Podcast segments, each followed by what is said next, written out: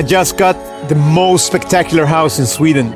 När Villa Söderås på Lidingö läggs ut på Hemnet blir det känt som Sveriges dyraste hus. It's 350 million Swedish crowns.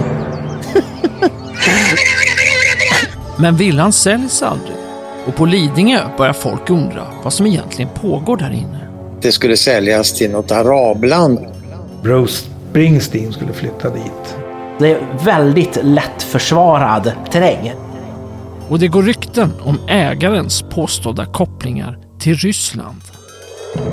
Omvandlingen av de gamla kärnvapenmissilerna är en följd av nedrustningsavtalen mellan Ryssland och USA. Oligarker skulle sitta och förhandla om vapen och guld och diamanter. I en ny serie från Svenska Dagbladets podd Blenda nystar journalisten Lars Berge i lyxvillans hemlighet och jagar den hemlighetsfulle ägaren. Utsikten att få en intervju med honom är mikroskopiska. Lidingö verkar ibland som en stor syjunta. Lyssna på svd.se blenda.